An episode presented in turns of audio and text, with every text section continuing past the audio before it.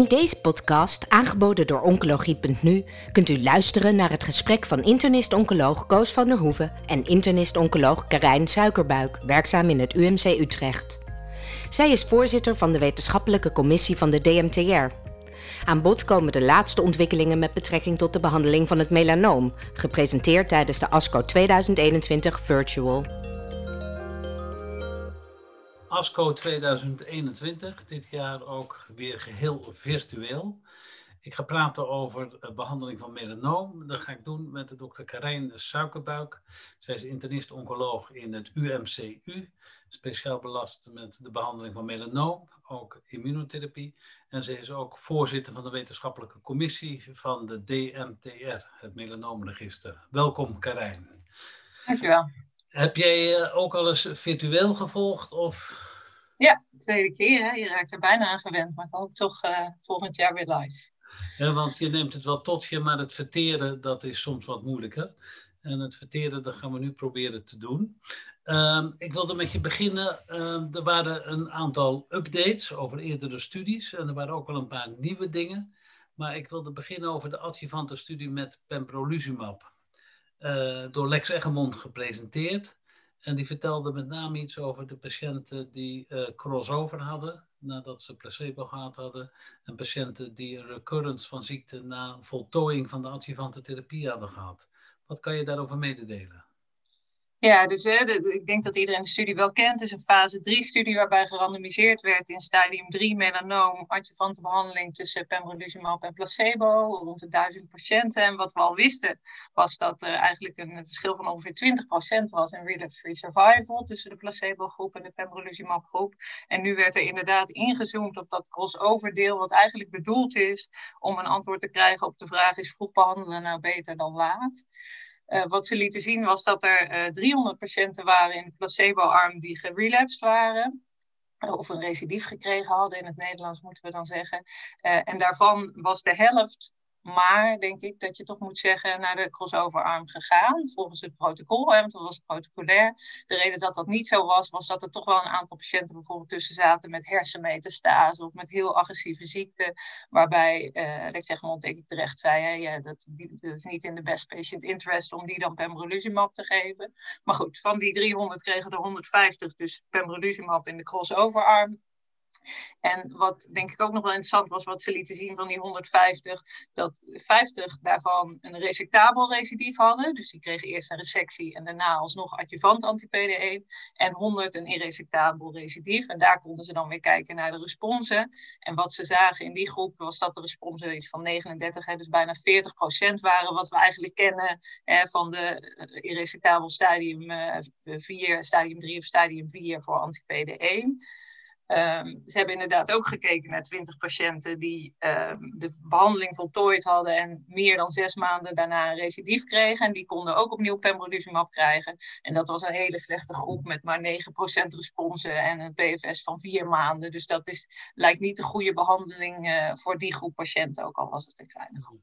Maar als de mensen dus tijdens adjuvante therapie of tijdens de periode van de adjuvante therapie placebo hadden, ze kregen recurrence en ze kregen pembrolizumab, deden ze het eigenlijk net zo goed als historisch vergelijk met mensen die gemeentesgezierde ziekte hadden. Dat ja, is eigenlijk ja. de uitkomst. Ja. Goed, overall survival data, die zijn er nog niet, hè, van deze studie. Nee, en uh, Alex Egmond gaf aan dat dat nog wel vijf jaar gaat duren, omdat er zo weinig events zijn. Ja. En dat maakt natuurlijk dat je je ook zo heel langzaamaan wel af moet gaan vragen wat nou echt de toegevoegde waarde van uh, adjuvante behandeling op survival echt gaat zijn.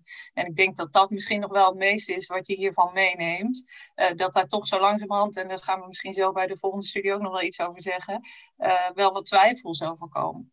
Ja, ik wilde even naar het verleden gaan. Um, want in het verleden werd ook hoge dosis interferon toegepast als adjuvante therapie. En de eerste adjuvante therapie is gedaan met hoge dosis ipilimumab. En dan was er een studie van Grossman die vergeleek dat weer met pembrolizumab adjuvant.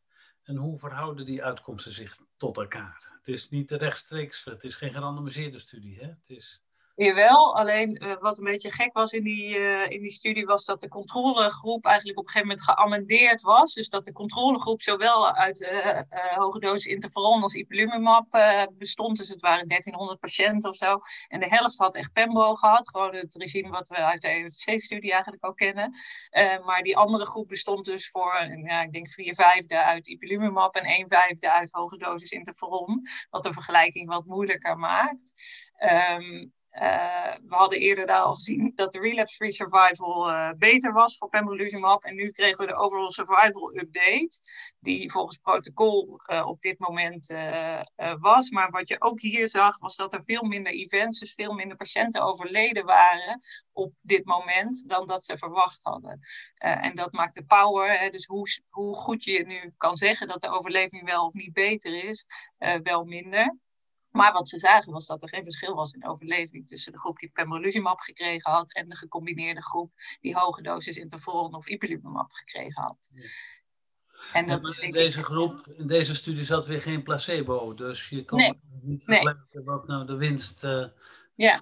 überhaupt uh, adjuvante therapie. Ja, en we hebben in de, in de checkmate-studie natuurlijk ook uh, gezien dat er niet zoveel verschil lijkt te zijn tussen nivolumab en ipilimumab uh, adjuvant. En eerder zeiden we ja, maar er is al een overlevingswinst voor ipilimumab aangetoond ten opzichte van placebo. Hè? Want die, die studie is natuurlijk, daar is echt een, een wel een overtuigende overlevingswinst. Dus als anti-PD1 net zo goed is als ipi met minder tox, dan is het nog steeds een goede behandeling. Maar wat je daarbij denk ik moet realiseren is dat die eerste studies met ipilimumab, waar wel een overlevingswinst ten opzichte van placebo was, dat de meeste patiënten daarna geen toegang hadden tot immuuntherapie als ze relapsten in een placebo-arm. En dat is nu anders. En het kan toch zijn dat daardoor het, de winst van totale overleving van adjuvante behandeling toch veel minder gaat worden dan die uh, uh, 5 tot 10 procent die we voor ipilimumab gezien hebben. Je zei er net tussen neus en lippen door het feit dat er geen overall survival data nog beschikbaar zijn dat doet me een klein beetje twijfelen aan het nut van de adjuvante therapie.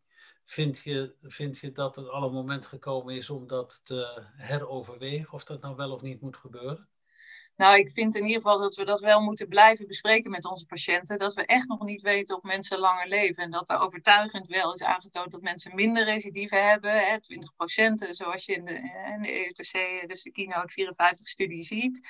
Uh, maar dat we echt nog niet zeker weten of mensen daar nou echt uh, relevant langer doorleven. En dat is wel iets wat je denk ik in de spreekkamer moet bespreken. Ik denk dat het te vroeg is om te zeggen dat je geen adjuvante behandeling moet geven. Maar, uh, Voor de patiënt is het vaak natuurlijk ook winst de tijd dat, ze, dat, dat er geen ziekte teruggekomen is. Dat kan je moeilijk... Als... Ja, dat kan. Ja, maar dan moet je natuurlijk al wel afwegen tussen, tegen de toxiciteit van, uh, van de behandeling die je geeft.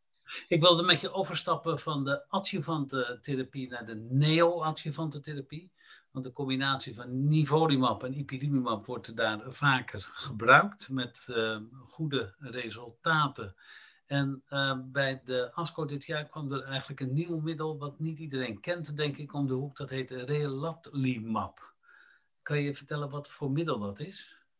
Ja, relatlimab was, is misschien voor de melanomen wel uh, toch de positieve verrassing van deze ESCO, denk ik.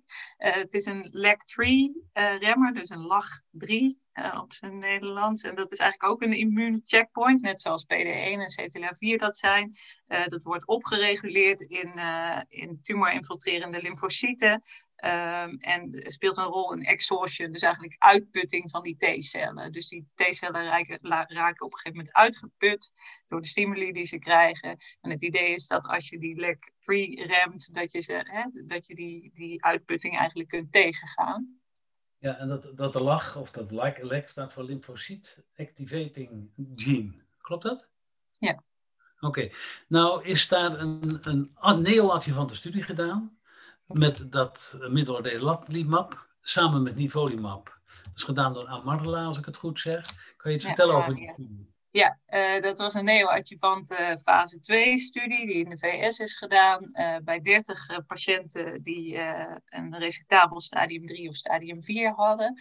En die kregen die relatlimab samen met nivolumab. Dat is een gecombineerd preparaat wat in een gezamenlijke infusie wordt gegeven. Dus anders dan dat we van de ipilimumab nivolumab kennen. Um, en dat werd twee keer voor de operatie gegeven met vier weken ertussen. En daarna werden patiënten geopereerd. En daarna kregen ze tot totaal een jaar nog die behandeling adjuvant door. Um, van die 30 patiënten was er één patiënt die niet geopereerd kon worden omdat hij snel uh, metastase kreeg.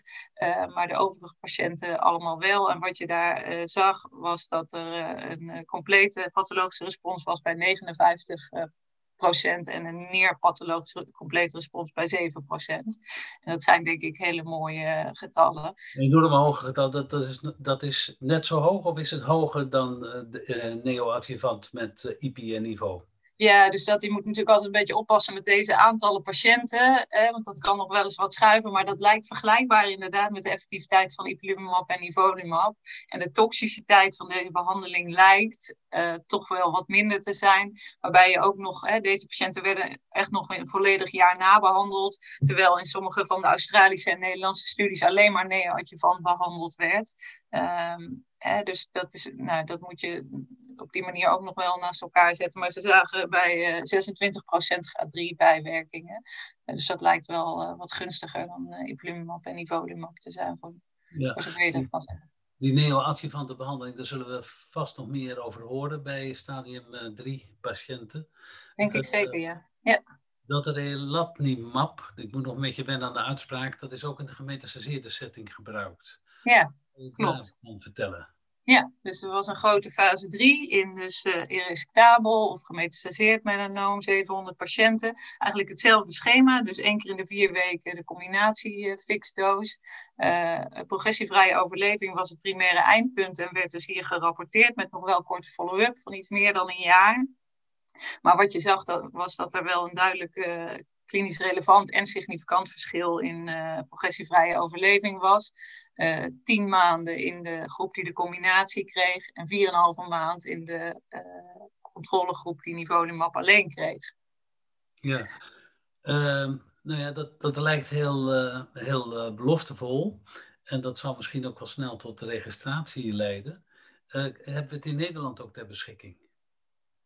Ja, dat uh, is een beetje de vraag hoe dat zal gaan en of het middel ook in de sluis uh, zal komen, wat me niet helemaal zou verbazen. Dus we hebben er op dit moment nog geen toegang toe.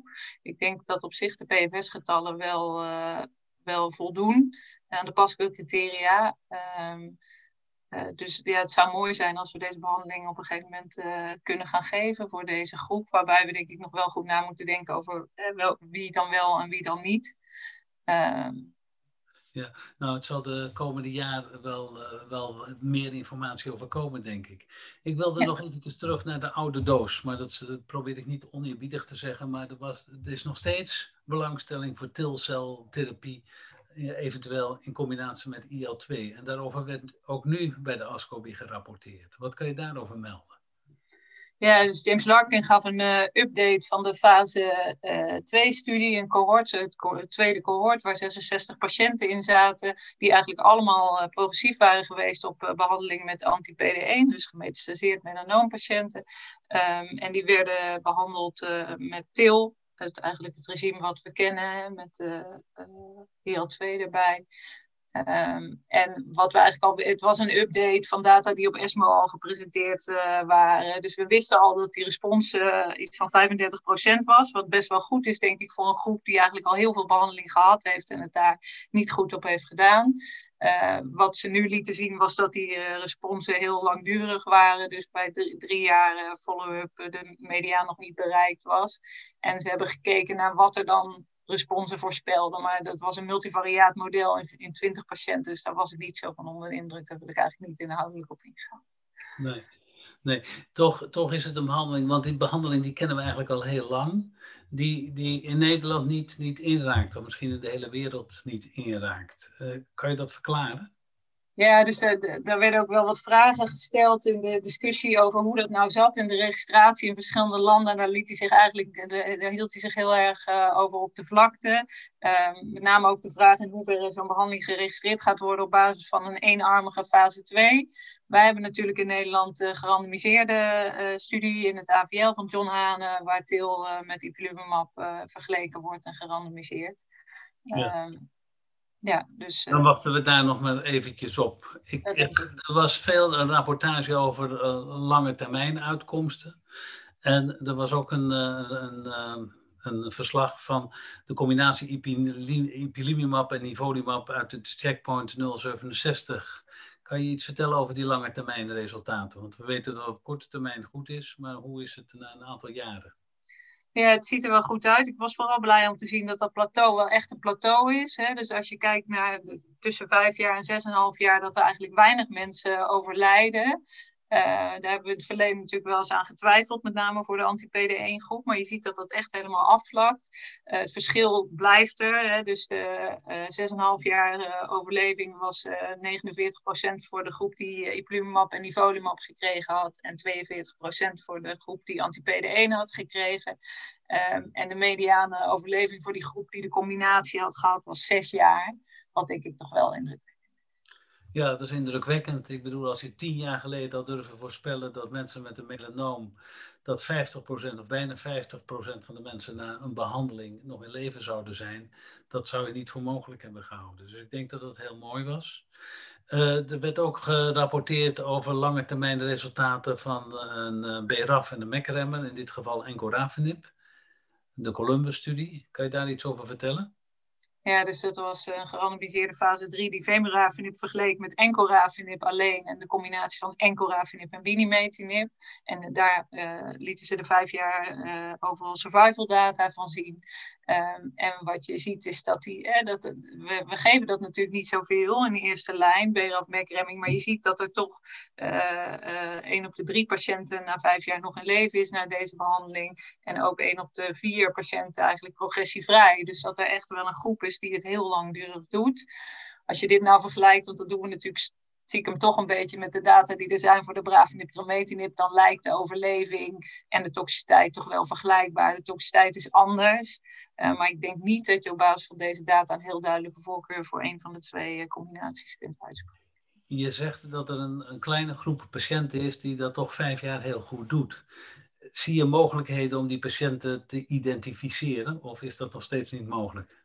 Ja, dus wat je hier bijvoorbeeld ziet is dat als je naar de patiënten met een normaal LDH kijkt, dat dan zelfs 1 op de 3 uh, na vijf jaar nog progressievrij is. En dat, ook dat weten we wel uit de Combi-V en Combi-D-analyses, dat hè, de patiënten met een goede performance status, een laag LDH en een lage uh, hoeveelheid uitzaaiingen, vaak in een beperkt aantal organen, dat die het het beste doen. En dat is eigenlijk hetzelfde als bij de immuuntherapie. Oké. Ik wil het nog eventjes met je hebben over de behandeling van hersenmetastase. Want hersenmetastase die komen uiteindelijk voor bij uiteindelijk wel 50% van de patiënten met een melanoom. En dat, dat heeft te maken denk ik ook met de manier waarop de imaging wordt ingezet. Mijn eerste vraag eigenlijk, vind je dat bij alle patiënten die met een gemetastaseerd melanoom komen ook de hersenen in beeld gebracht moeten worden, ongeacht of ze symptomen hebben of niet? Ja, en kan je dat nog toelichten? Ja, uh, wat je ook in de update nu van, de, van die ABC-studie uh, van Georgina Long uh, zag, is dat anti-PD1, dus nivolumab alleen voor hersenmetastase, toch weinig, denk te weinig doet. dus het bepaalt gewoon je behandeling. Als iemand asymptomatische hersenmetastase heeft, dan denk ik dat je moet kiezen voor combinatie immuuntherapie of uh, voor BRAF-MEK-remming als je een hele harde contra-indicatie voor immuuntherapie hebt. Maar in principe is het denk ik de standard of care ipilimumab, nivolumab voor patiënten met hersenmetastase. Dus dan heeft het directe consequenties om te weten of ze er zijn. Oké, dus je zegt het eigenlijk, als ze ook asymptomatische hersenmetastase hebben, dan heeft het voorkeur om de combinatie van ipilimumab en nivolumab te kiezen boven alleen een PDE-remmer. En hoe goed zijn die uitkomsten dan? Ja, dus we zagen hier nu de follow-up. We wisten eigenlijk dat die responsen al heel goed waren. Judina Long zei, ja, de hersenen zijn ook gewoon een orgaan. Dus met andere woorden, hè, de respons, als je maar tijd hebt, is daar net zo goed als in een lever of een uh, bijnier. Uh, dat was meer dan 50% voor de combinatie ipilimumab-nivolumab. Ehm, en wat ze nu lieten zien was dat de meeste van die responsen ook uh, uh, langdurig aanhielden met een vijfjaars uh, survival van 51%. Dat is wel echt voor de asymptomatische. De symptomatische doen het ja, echt veel, veel slechter. Daar moeten we nog wat goeds voor verzinnen. Oké. heb jij nog dingen opgepikt bij de ESCO die we niet aan het aan bod hebben laten komen? Uh, nou, wat ik nog wel leuk vind is om uh, de DMTR-bijdrage te noemen. Er waren twee posters. Eén van Nienke de Glas uit het LUMC. kijkend naar oudere patiënten die immuuntherapie gehad hadden, waarbij je ziet dat die mensen eigenlijk net zo goede melanoom-specifieke overleving hebben en eigenlijk niet meer ernstige bijwerkingen.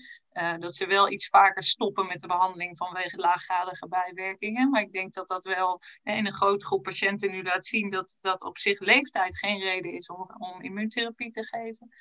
En een andere poster van Olivier van Not, uh, waar, uh, waar hij gekeken heeft naar de rol van mutaties in het voorspellen van respons op immuuntherapie. Waarbij je eigenlijk ziet dat de patiënten die een BRAF-mutatie hebben, dat die een kortere PFS hebben, dus korter reageren op immuuntherapie, maar toch langer leven omdat ze de optie van BRAF-mekremming hebben.